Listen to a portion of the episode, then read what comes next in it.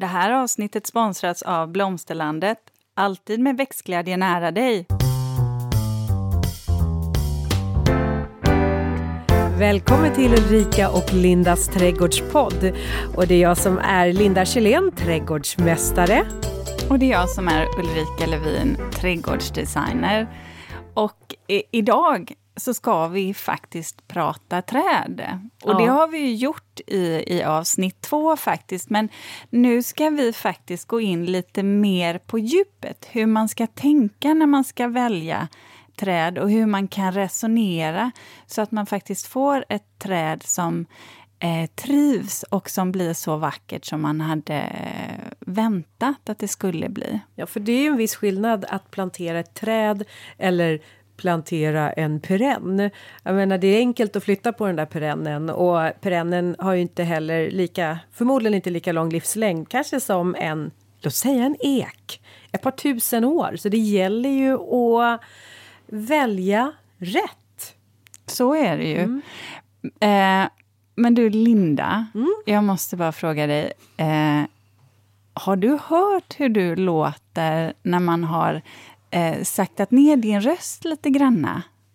Eh, nu blir jag osäker på vad du menar. Nej, men vet du vad? Okay. Du ska få lyssna på eh, hur det lät eh, i avsnitt två. Hör här. Alltså är det någonting som får mig att få oh, gåshud och liksom lite stanna upp i mitt arbete när jag sitter här hemma kanske och, och målar eller sitter framför datorn. Det är när jag hör någon gasar igång motorsågen. Alltså, eh, det är ju lite det är ont i min själ för jag vet att nu, nu faller ett träd till marken som kanske har stått där i 40-50 år. Som dessutom är ett hem till många fåglar och insekter, ekorrar.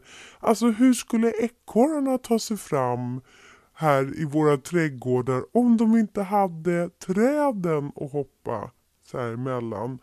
Så att eh, jag tycker det är jätteobehagligt med motorsågar. Men jag håller med om att det finns eh, vissa tillfällen där man inte har något val. Men om man fäller ett träd, då måste man faktiskt plantera ett nytt. Vad fan, Ulrika, jag låter drogad! Ja, vet du, jag tänkte att du lät lite mer som Kristina Lugn. Ja, men verkligen! Jag låter... Alltså... Riktig så här söderböna. Jättehärligt. Ja, men det är min kärlek för alla dessa små djur och ja. min rädsla för motorsågar. Och, ja.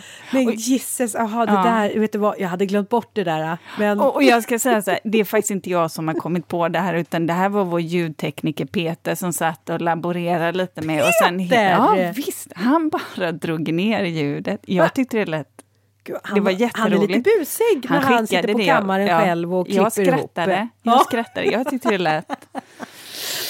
Det lät faktiskt väldigt, väldigt roligt. Ja. ja. Och du Ulrika, eh, nu har det gått en vecka. Vad har du pysslat med sen senast vi sågs? Eh, åh, mitt minne. Vad skönt ändå. Nej, ingenting uppenbarligen. Eller väldigt mycket så du har svårt att sortera. Nej, men jag jobbar, jag jobbar på mycket. Man kan ju tro att jag ska ha en lugn period. Um, och på ett sätt så kan jag ju säga att det är det ju för att det är inga anläggningar som pågår nu, så det är väldigt få av de här akututryckningarna som jag måste göra. Men Eh, jag har faktiskt väldigt mycket eh, ritjobb att göra som ska färdigställas. Så att det är det jag pysslar med nu hela tiden. Eh, ska, vi, ska vi faktiskt gå in på, på dagens ämne? Mm.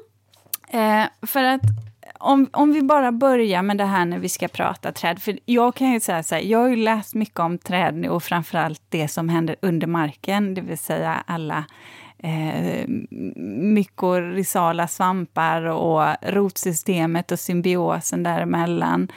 Eh, och jag inser att det, det är ju otroligt mycket kunskap som en behöver för att kunna förstå allt det här kring eh, träd. Uh, och det är jätteintressant. Så jag tänker att vi ska skrapa lite på ytan, men just det att hjälpa er lyssnare att fundera på att eh, tänka rätt när en ska välja träd. Och då, då är det ju ändå så eh, att trädlinda, de kräver ju vissa saker, mm. vissa förutsättningar för att kunna leva. Och vad är, vilka är det? Det är solljus, det är vatten, det är näring och för trädens del så är det ju också marksyre som mm. behövs. Mm. Sen kan man fundera på vad är definitionen utav ett träd? Det är ju lätt att eh, blanda ihop träd med buskar och det finns egentligen ingen sån här eh, glasklar gräns. En del säger att om en buske blir högre än två, fyra meter hög, ja då blir det ett träd. Men du kallar det också för träd, buskträd kallar du också det för? Då. Ja, ja, jag brukar kalla det för, eller jag, det är väl en definition som finns också. Träd som kanske är flerstammiga eller som har ett sätt där, där deras stammar egentligen, de, de delar på sig. Ganska de, tidigt? Ja, tidigt ja. Så att de är svåra att ha som enstammiga träd, utan de så att säga delar upp sig och får flera stammar. Och då blir det ju mer som ett buskträd, mer av att, att det har den formen mm. kanske. Och det kan jag tycka också är en bra beskrivning utifrån när man ska tänka eh, vad man har för utrymme. Det är ganska stor skillnad på, på ett träd som har förgreningar ända från basen. Eh, det blir ju ganska utrymmeskrävande än om man har ett träd som är på stam och som man då sen kan gå under kronan till mm. exempel. Men definitionen mm. som man, man brukar säga det är i alla fall att det här ska, det är ju en flerårig växt eh, som eh, den är, brukar man säga, den är bunden till ståndort. Och eh, Eh, den är ju uppbyggd av ved. Det är en vedartad flerårig växt. Där. Mm. Och, eh, och veden den består ju av just cellulosa och lignin. Och det här är ju också då när man ska välja träd så tänkte jag att, att du skulle få berätta eh, om de här olika typerna av träd. För mm. vi har ju någonting som kallas för pionjärträd och sekundära träd. Ja. Även amträd. Exakt. Men om man tittar på pionjärträden så är ju det de träden, alltså rent naturligt, som börjar att växa. Det är de första träden som växer upp till exempel efter en skogsbrand eller där det aldrig har vuxit träd tidigare. Och det är ju det är björk och det är tall kan det vara och det kan vara asp också. Jag skulle väl kanske dra lite en slutsats till att eh, det här är också träd som är eh, Ska man har man en yta som det aldrig har vuxit någonting på själv hemma i sin trädgård så är det här bra träd att börja med också för man vet att de kommer fixa det läget om det är blåsigt och allt för soligt eller och att de också är markförberedande träd. Va? I sitt rotsystem kan de vara. Och det, ja, de här pionjärträden, det, det som är det som de verkligen behöver, det är att de behöver sol. Mm. De vill stå ljust och luftigt och liksom soligt framför allt. Och grejen är ju då att om det sedan kommer andra träd, sekundära träd som har kanske lite kraftigare bladmassa, ja, så småningom så konkurrerar de ju då ut de här pionjärträden. Mm. Sekundärträden det är ju andra generationen utav träd som då växer ja. upp. Mm. Mm. Sen. Mm. Och, och, varför? Sen finns det ju liksom semi, semipionjärträd och men man kan också fråga sig varför är det här viktigt? Och vi, nu pratar vi ju parker och när man kanske ska skapa en skog. I en privat trädgård så det, det, är klart att då kanske du inte har så stort utrymme. Det beror ju lite på hur stor trädgård en egentligen har. Mm. Men poängen är ju att, så att säga, förstå varför träden växer som de gör och, och vad, de, eh, vad de kräver. För ska du till exempel anle alltså anlägga ett woodland mm. där du vill ha eh, du vet, träd och buskträd, där du vill ha olika grenvåningar, mm. då är det ju ganska viktigt att du väljer träd som också har ett genomsläppligt bladverk. Mm. Eh, för annars så får du inte sol eh, på, på växterna längre ner. Och då blir det lite som att gå in i en bokskog till exempel. Ni vet, bokar har ju väldigt tät bladmassa. Det är inte mycket som växer där under. Och då har du ju den här torra, torra skuggan till exempel. Och det, det, det är väldigt svårt för någonting att växa där. Mm. Och det som också händer med träd i ett sånt här läge är ju att eh, om man till exempel planterar olika träd eh, och sedan så är det ett träd som, som växer på sig väldigt snabbt, eh, får väldigt mycket eh, bladmassa, så det blir mörkt och skuggigt nere vid marken. Ja, det här andra trädet som kanske kan tolerera lite skugga, eh, men inte djup skugga och torka, ja, då kommer den den kommer gå ner som i, ja du vet en typ av törnrosasömn egentligen, det vill säga att den stannar där. Mm.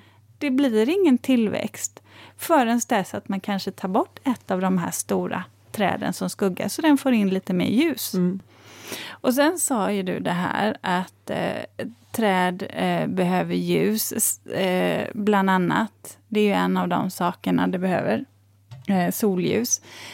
Sen är det ju så att ehm, eh, när det gäller olika träd, eller vare sig vi pratar solljus, marksyre, näring ehm, eh, eller vatten, så är det ju så att Eh, alla träd är ju olika bra på att nyttja de här resurserna som finns. En del är mer krävande. De behöver i princip ha mycket av allt. En del eh, kan klara sig med lite mindre vatten, till exempel, med lite mindre näring. En del träd kan göra näring själva genom eh, symbios med kvävebakterierna nere i marken. där. Så att det där det är också en viktig aspekt att, att tänka på. Och det är samma sak med skugga egentligen. Det finns ju få, få träd som är så superförtjusta i djup skugga, utan det är ju bara det att det finns träd som är mer eller mindre skuggtoleranta mm. eller tåliga. Mm. Just det. Men ja. du, eh, om jag tänker så här då. Eh, rätt träd på rätt plats. Mm. Men, men finns, det, finns det egentligen platser som man ska undvika att plantera träd på? Ja, men det är väl där vi, och det diskuterade vi innan, alltså vattensjuk mark är väl inte den lämpligaste platsen att plantera på.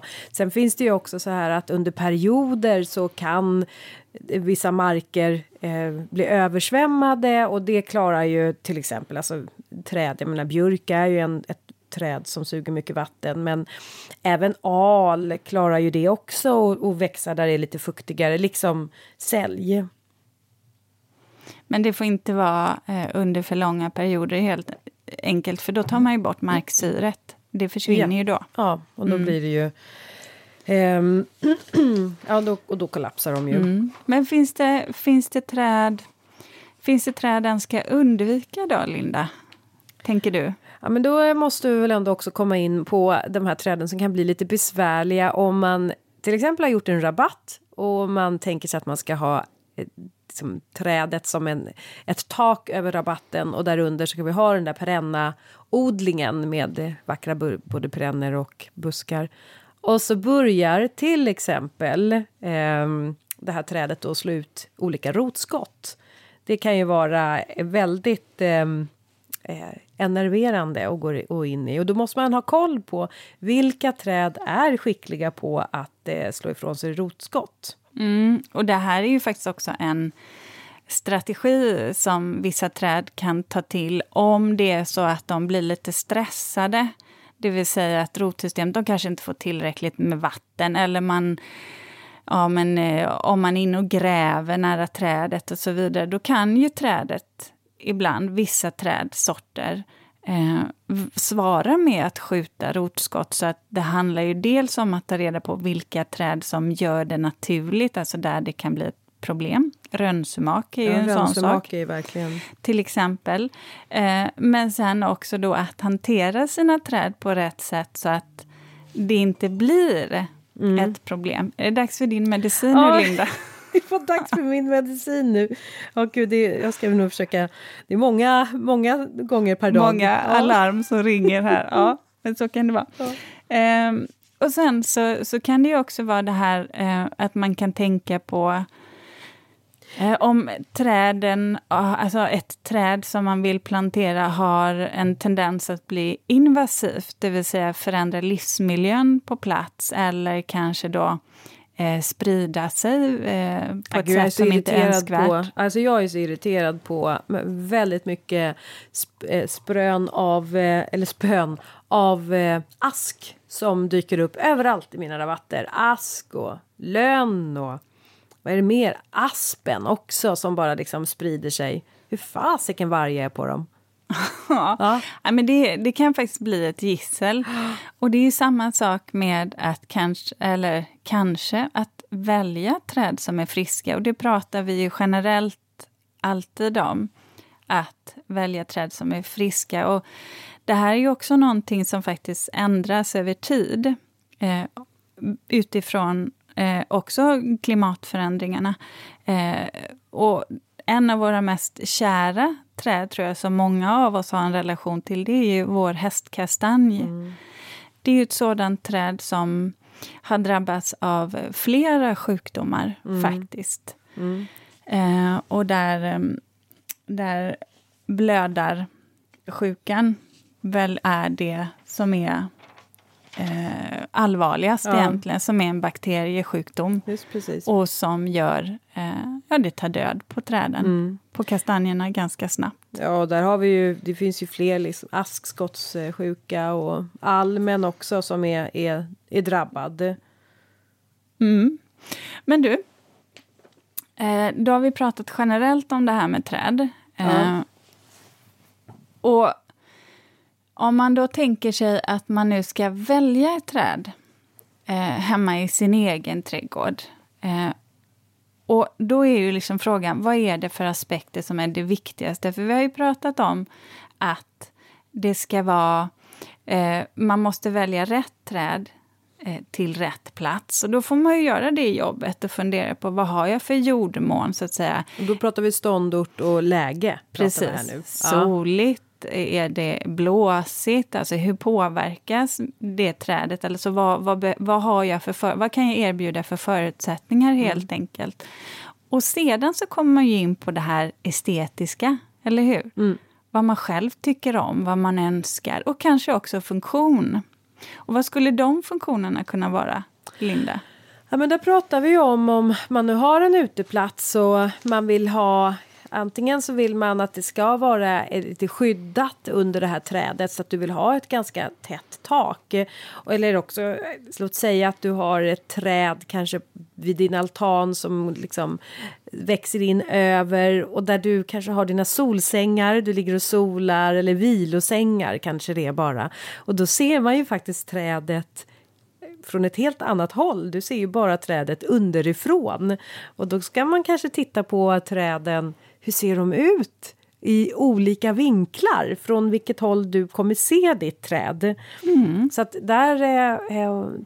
Här finns det ju många, många eh, träd som också har väldigt eh, vackert bladverk underifrån.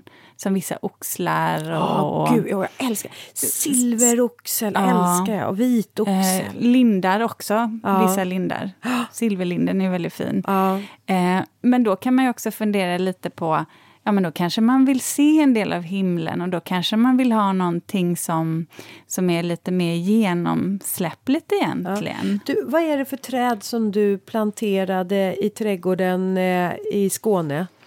Åh, det är ett av mina favoritträd ja. faktiskt. Det är korstörne. Det är korstörne? Mm. Mm. Och det, det ja. Jag tycker att det ser så lite exotiskt ut på något sätt. Det också. gör det ju. Eh, och det är ju... Där nere är det ju ett eh, gulbladigt korstörne. Sunburst heter det.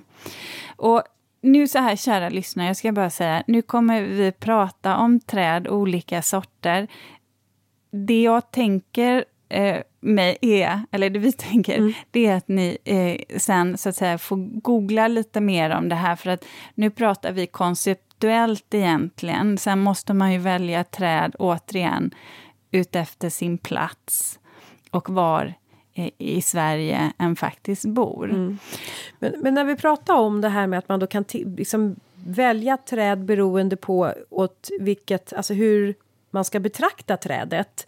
Eh, är det också kanske att man har en uteplats, att man kommer sitta och, och högre upp på balkong kanske, eller terrass och titta ner. Då har man ju ett träd som står och man liksom betraktar det ovanifrån. Och, mm. och där måste jag ändå tipsa om att eh, ta reda på vad ni har för olika arboretum runt om i landet, i närheten där ni bor. Och så tar ni promenader och, och går runt och, och tittar på träden. Och, och och inte bara ser på träden som just stora eh, grönskande bara växter eller avlövade för den delen som det är så här års utan liksom titta på stammen, hur stammen ser ut och eh, färgen och liksom det taktila känslan mm. på stammen. Och, Vrider den sig, ah, flagna barken? Ja, allt sånt här spelar in. Det skickar ju liksom eh, estetiska signaler ja. till en. Och, hur, hur, blir skuggbilden? Mm. Är, är det väldigt mycket skugga eller är det ett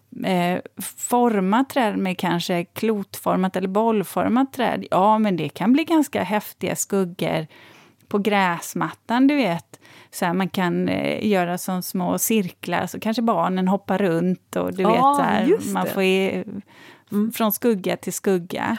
Så att besök, Men, ja. alltså verkligen besök Arboretum. Titta på träden och, på ett annat ja, sätt. Ja. Och, på ja. och liksom gnugga ögonen och så, så ser ni på träden, på detaljerna på träden. Då blir de ju också ja, men noga, noga utvalda utifrån er. Och, eh, och ni kommer också upptäcka träden mm. och se dem med, ur ett annat öga, liksom en annan vinkel. Du var ju inne på det här med uteplats, Linda. Eh, och här finns ju tycker jag som designer, här finns det flera aspekter som man ska tänka på. Eh, för förutom att tänka på hur man ska betrakta det, så tycker jag att det här med, med skugga och bladmassa är väldigt viktigt. För om vi då tänker oss att, om vi kan prata om korstörnet, mm. eh, som jag nämnde, och så kan vi ta...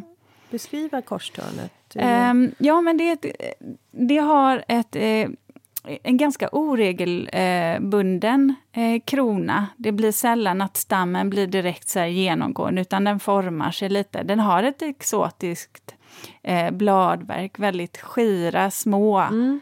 eh, blad som rasslar lite härligt. Det ser ut som eh, baljväxt. Ja, mm. och grenverket är också väldigt... Det, det är verkligen så här horisontella våningar som går går ut. Och i och med att bladen då är så små och sitter så glest eh, så blir ju inte heller skuggan särskilt ljus.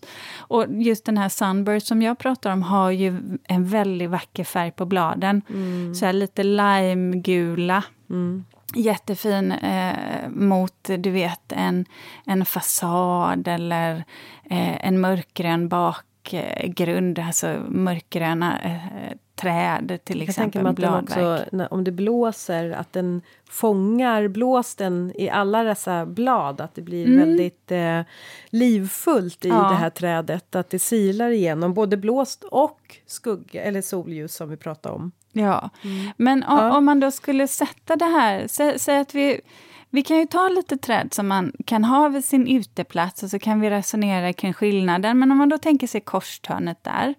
Eh, ja, men då, det här är ett träd som har eh, eh ett bladverk som slår ut ganska sent. Fördelen med att ha ett sådant träd det innebär ju det här att vi bor ju ändå i Sverige, vi vill ju ha de här första vår, eh, alltså sol, vårsolen. Vi vill, ju, vi vill ju kunna njuta av den. Ehm, och det är klart, och du har kanske inte lika stort behov av skugga på din terrass och uteplats då, utan då vill du få in vårsolen. Då är det ju bra med ett träd som grönskar sent. Och sedan så är då frågan, ja men hur mycket skugga vill du ha? Mm. Ja, korstörnet kommer aldrig ge någon djup skugga. Eh, jättevackert träd att titta upp underifrån, men vill du ha lite mer skugga, då kanske inte det är rätt träd för dig. Då kanske man hellre skulle ha valt, om man säger klotlen då, som också är ett litet mindre träd.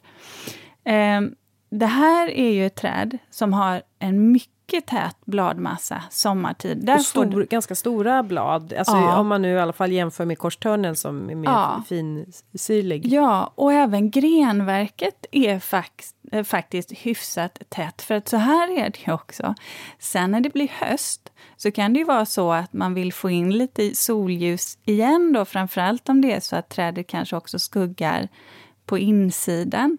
Ja, då vill du kanske ha träd som tappar löven tidigt. Mm. Det gör korstörnet till exempel. Och det har inte en Eh, det har inte så mycket, alltså ett sånt tätt grenverk så att man kommer alltid kunna sila igenom ljuset. Och det här kan vara viktigt om man bor i en lite mindre radhusträdgård eller på en innergård till exempel, så att även de som bor på nedre botten inte får för mycket skugga. Så det är ju en aspekt att ta hänsyn ja, till. det ska jag säga, så här, jag är så glad därför att eh, här i där vi bor så har vi en granne, de har en eh, ja, men mellanstor ask.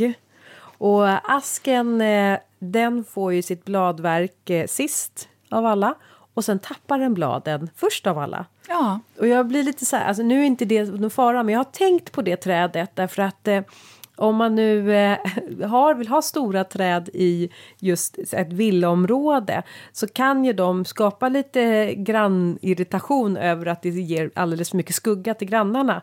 Men just ett sånt här träd det är ju faktiskt inte, det är inte under så pass lång tid som det har sina löv på sig. Nej. Så man får ändå det där stora trädet men det skapar liksom ingen irritation. Nej, Nej. Och, och rätt placerad, eh, det vill säga så, så kommer ju solen gå över det. Står det precis för, för kvällssolen så kan det ju bli lite tråkigare. Ja, men just så här, vår, våren och hösten när solen en, står lågt ja, så är det, det ingen fara. Precis, och det här är en jätteviktig poäng för det här handlar ju också lite om var i Sverige bor en. Eh, bor man nere i södra Sverige, ja då får du ju en skuggbild. Eh, bor man uppe i norra Sverige, ja då står ju solen ännu lägre. Så att hur långt en skugga når med ett högt träd, alltså det, det beror ju på var i Sverige eh, en befinner sig. Mm. Men det där är också viktigt för att det kan ju också vara så att man vill ha ett träd som också har ett eh, tätt grenverk även vintertid. För det kanske är så att det ska fungera som insynsskydd.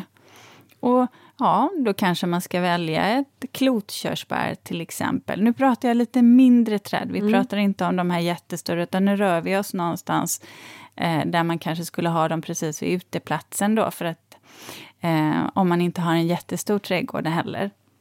Så har vi sagt, vi har sagt eh, korstörne, klotlön eh, och eh, klotkörsbär.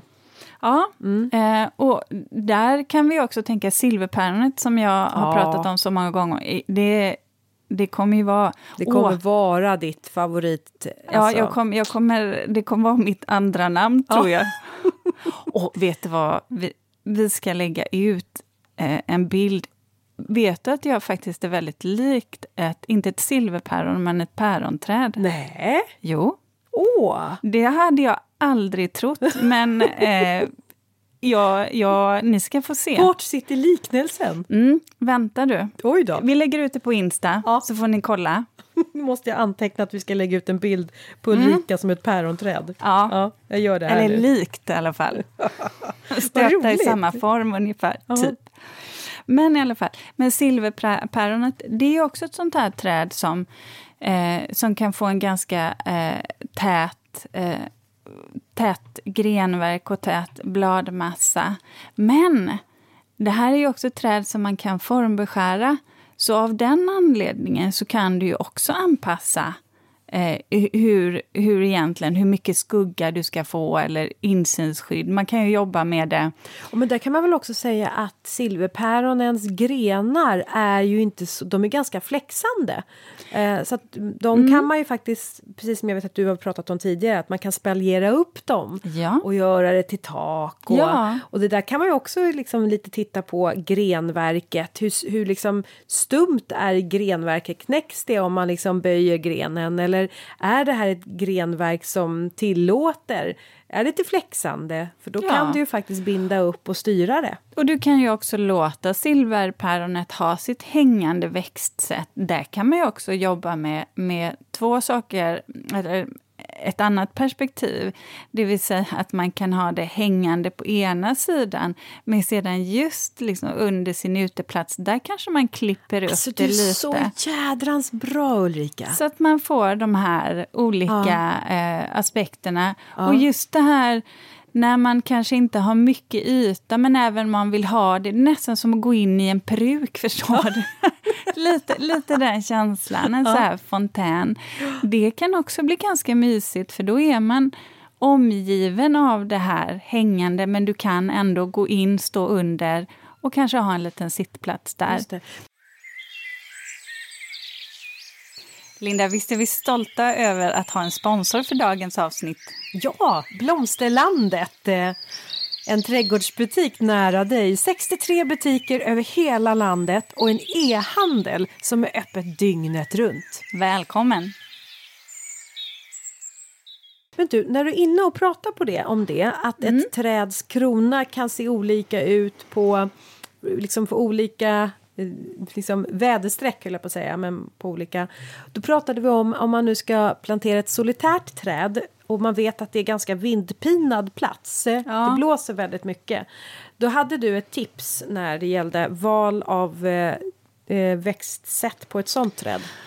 Ja, och, och, och här med, med brasklappen att jag tror att det här med vindskydd, det, det är nästan så att vi ska ha ett eget ämne mm. om det. För, för, att det att skapa läplanteringar. Men man kan ju säga så här, att det kan vara bra att jobba med ett träd som redan från början har ett oregelbundet växtsätt.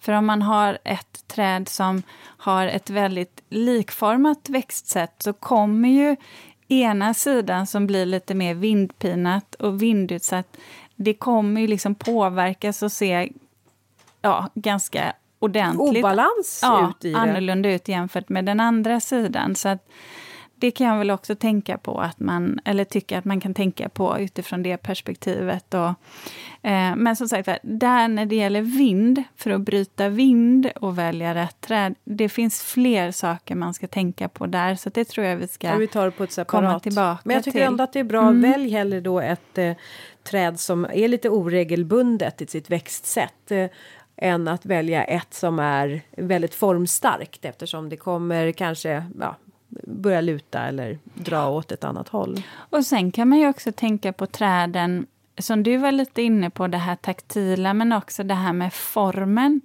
Um, bollpil är ju till exempel ett sådant träd som kan vara eh, lite roligt alltså i sin form. För det, man kan ju tycka att det känns... Man, oftast upplevs det som att det är lite mer jämnt i början, men sen när det får växa till sig så är det ju så här helt... Det, är som, det kan nästan bli som så här fluffiga moln oh, ja, ja. när de formar sig. Just det. Och de är ju ganska häftiga. De går ju ända upp till zon 6 ja. faktiskt. Så det, det, det ser jag när vi åker till Vemdalen, att de är planterade högt upp i landet. Tacksamt träd utifrån det perspektivet mm. och, och jobba med.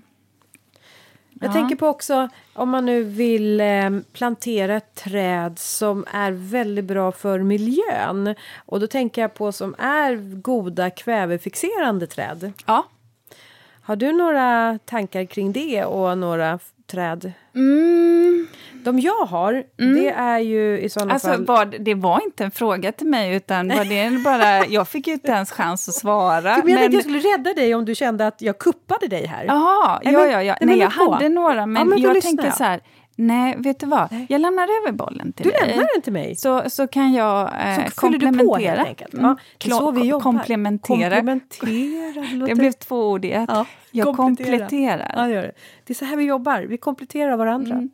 Du, men då vill jag eh, slänga ur mig att det finns eh, eh, klibbal, Alnus glutinosa. Det är väl gulligt namn, va? Alnus glutinosa. Till lilla jag tycker glutinosa. det är förvånansvärt likt anus. Så jag Jaha, vet inte. ja, du tänkte på det, ja. ja det, där, det drog jag bara förbi. Ja.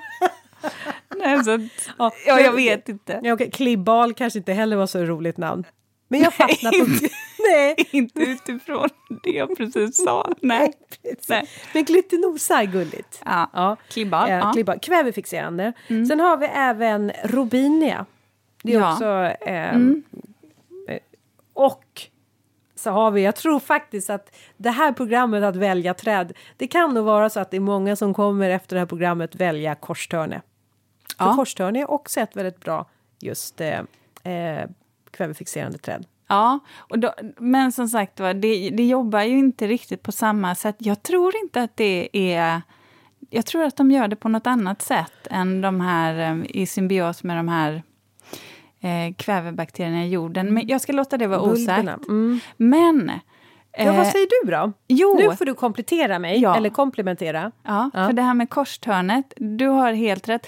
Det jag vet ibland, eh, det är ju en aspekt en kan ta in är ju det här med kvävefixerande träd.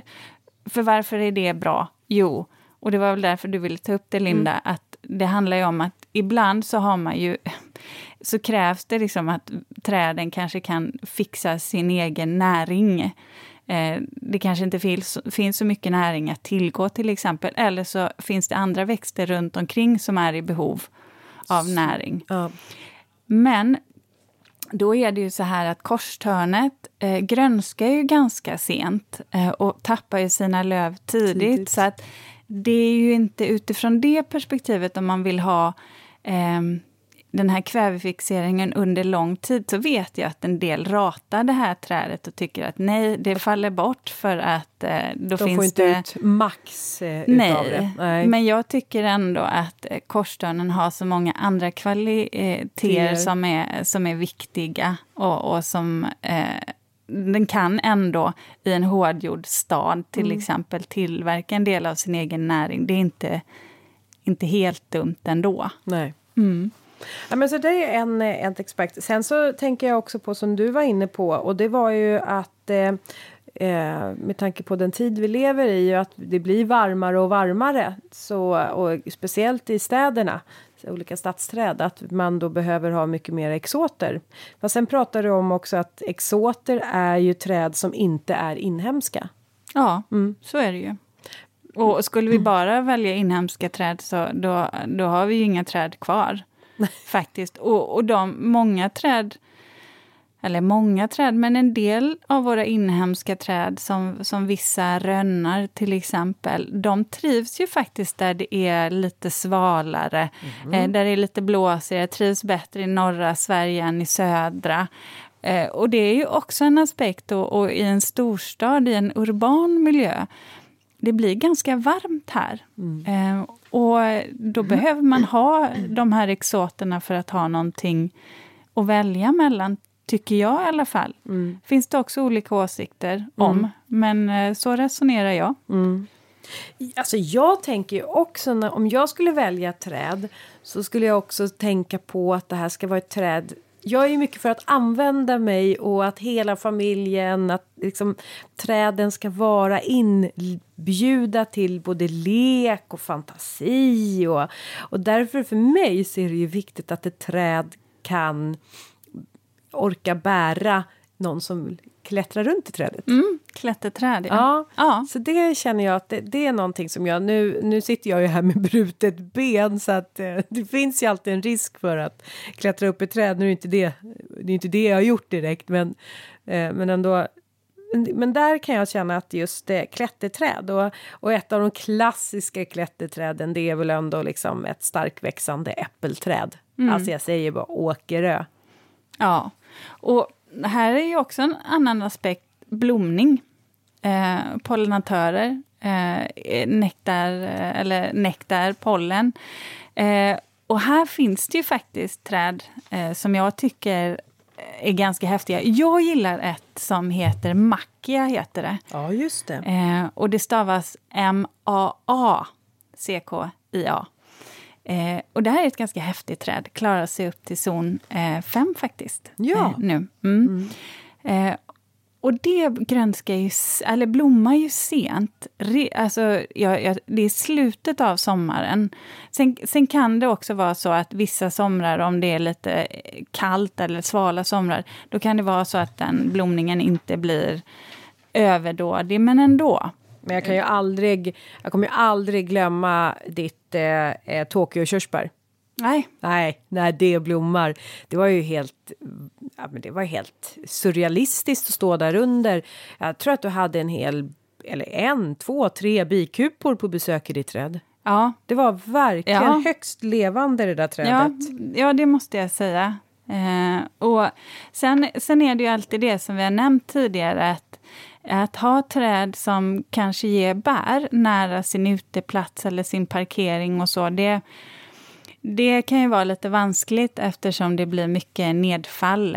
Eh, mullbär kan ju vara ett sånt träd. Få, alltså, eh, fågelkörsbär Mm. är ju ett annat träd som jag och annars tycker är väldigt vackert. Eh, Svea går ju ganska långt upp. Eh, men då har vi fågelbär plena, Just det. som är sterilt faktiskt. Det har ju fyllda blommor. Det är också ett jättefint träd. Så här, har inte supertätt bladverk, ungefär så här mellan mittemellan skulle jag vilja säga. Och sen ett eh, hyfsat glest grenverk. Också ett fint, vackert träd. Jättefint som solitär om man har det. Eh, eller utkanten av lite större träd. Men det här vill ha mycket sol för att bli vackert. Men det är ett äh, fantastiskt träd om man har lite yta. För det blir, det blir hyfsat brett. Men eh, ja, det Och- tycker jag är jätte, jättevackert faktiskt. Ja. Eh, jag tänker också så här. Träd, om man tänker på hur man ska placera dem i trädgården. Nu pratade vi ju om altan, att plantera ett träd vid altanen eller som insynsskydd. Då. Men jag tycker också att det kan vara ganska snyggt att plantera träd i trädgårdens hörnor. Som annars kanske blir så här bara liksom prång. Och, och vill man då maxa att få liksom plats så tycker jag att det är fint att sätta ett träd i en hörna. Det blir liksom, den blir inramad ifrån från två håll om du då också har en, en häck där. Ja, jo, men det är jättevackert. Och jag tror, jag tror det finns, eh, eller jag, tror, jag vet att det finns ett koncept eh, av en, eh, han är holländare. Ja, Jag kan inte uttala hans efternamn. Vi kanske får lägga ut det på... på- Ullungrönnen är ju, Sorbus dodong är ju en... Ja, nej, men det, eh, på tal om det där med, med att ha träd. Cecil heter han. Eh, och sen har han ett, ett efternamn som jag inte kan uttala. Nej, men han, han, har, han är forskare, så han har ändå kommit fram till det här man har pratat om det här med att se hur många träd ska man se för att må bra. Och då, har man, då säger man det 330 300, det vill säga att man ska se tre träd eh, från sitt eh, vardagsrumsfönster eller sovrumsfönster, från sitt hus eller sin arbetsplats. Eh, man ska ha, träden ska ha ett lövverk på minst eh, 30% bladmassa, gärna upp till 35. Och sen ska man ha 300 meter till sin närmsta park. Nej, men åh, vilka fina mått! Ja, och Ja. det här är ju egentligen ett koncept som man funderar, alltså som Eller man mått tänker kring. Ja. Jo, men som man har att förhålla sig till när man ska plantera eh, landskap och göra landskapsplaneringar i, i städerna. För man har sett att det här påverkar så mycket, träden gör mycket för, för vår hälsa också. Och det är därför man också även då planterar in då gör parker i nybyggda områden. Exakt. Att det finns Mm, eh, eh, forskning som säger att det här kommer göra att man mår bra i det här området. Ja, precis. 3, 30, ish 35 och 300. Ja, det, det är ett sånt som man som ett riktmärke i alla fall som Mm. de har haft, eh, som man använder vid den här typen av gestaltningar Mm. eh, av staden. Just det. Kan man, kan man tänka. Jag, jag får lägga ut namnet i sin helhet på Insta. Mm, Några bra insynsskyddande träd då? Du pratade om eh, klotlönnen.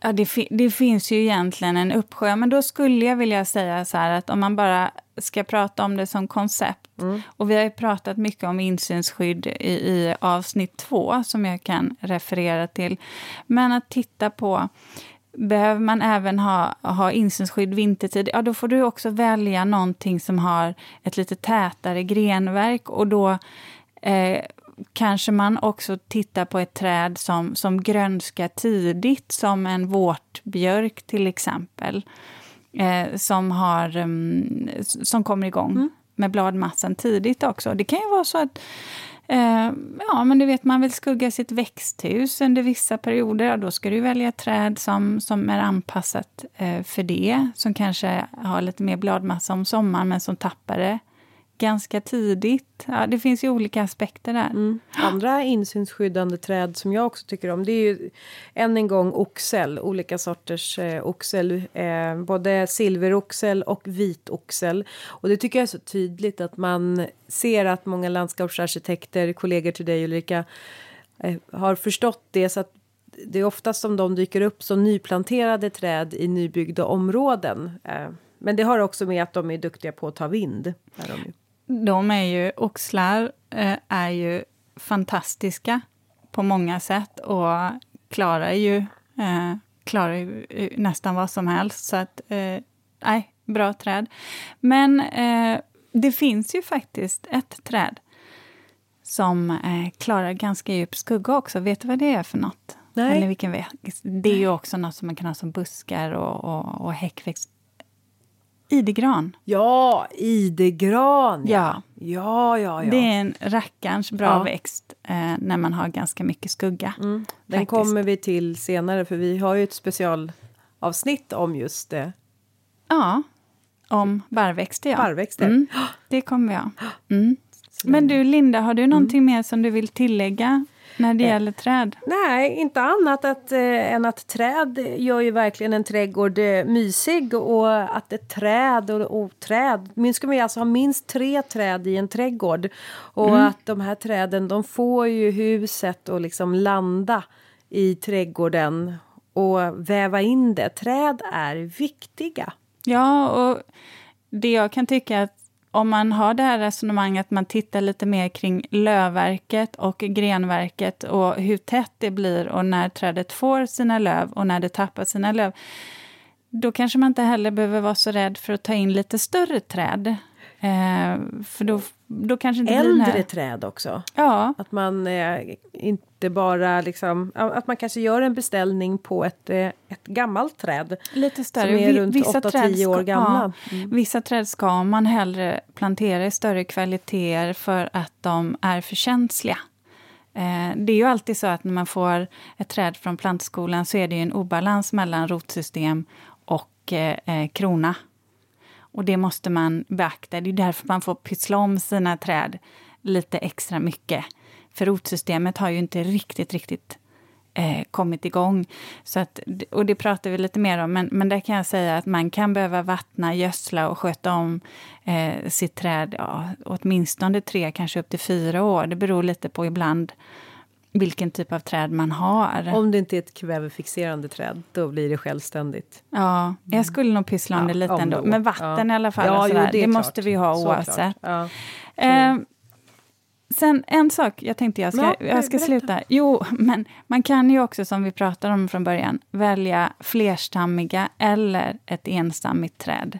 Flerstammiga träd som kopparlönnen kan till exempel vara fantastiskt vackra om de får dela upp sig kopparlöven. Ja.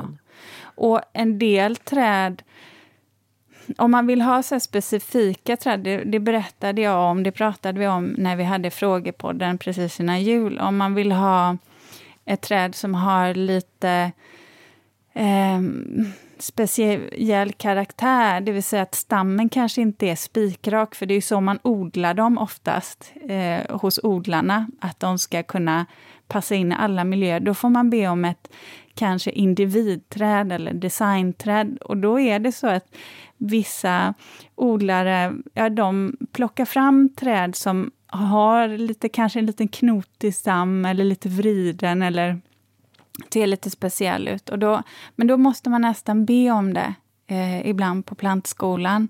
Eh, och det kan man göra. Och det här kan man göra även fast man är privatperson. Eh, för det har jag hjälpt mina kunder att göra ifall de nu inte har kunnat köpa in via, eh, via eh, eh plant, plantskolorna direkt, så att säga. Eh, men man kan alltid kontakta en anläggare eller så kan man be kanske sin handelsträdgård köpa in från en annan plantskola. Och så på så sätt så kan man få det levererat. Funkar ju inte överallt i alla lägen, självklart. Det fattar jag också. Men um, Eh, kan, man kan försöka. Mm. Mm. Ja, men, Så kan man komma åt en del av de där träden Mm. ändå. Eller genom sin designer, eller trädgårdsarkitekt eller trädgårdsmästare. Mm. Så är det. Så, Så. är det. Ja, men, åh, vad jag har vi, blev eh, eh, berikad eh, av att eh, sitta och prata med dig så här Ulrika. Vi... Träd. Träd. Ja. Ja. Linda, ja. eh, ska vi säga så? Ja, men vi gör nu har vi det. fnissat för idag. Ja, nu, ja det har vi. Ja. Ja. Vad, vad kul att ja. få att podda hemma i vardagsrummet. Ja, det var ganska skönt. Ja. Jag tror att det här var, det var ja, ett bra ställe. Vi lägger oss ner i soffan. Där. Du får lägga dig din, jag lägger mig min. Så tar vi en liten mm. eftermiddagslur kanske. Ja. ja. Mm. Bra, vi säger så. Vi säger så. Ha det bra. Hejdå. Hej då!